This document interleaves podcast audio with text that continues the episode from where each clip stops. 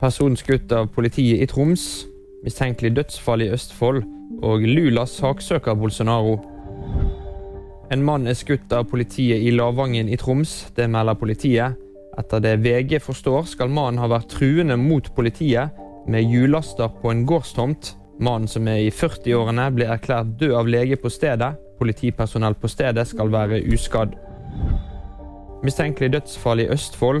Politiet har startet etterforskning etter at en person ble funnet død på en adresse i Trøgstad i Indre Østfold torsdag kveld. En person er pågrepet og tatt med til arresten for nærmere undersøkelser og avhør. Politiet jobber nå med å avhøre flere personer. Påtroppende Brasil-president saksøker Bolsonaro.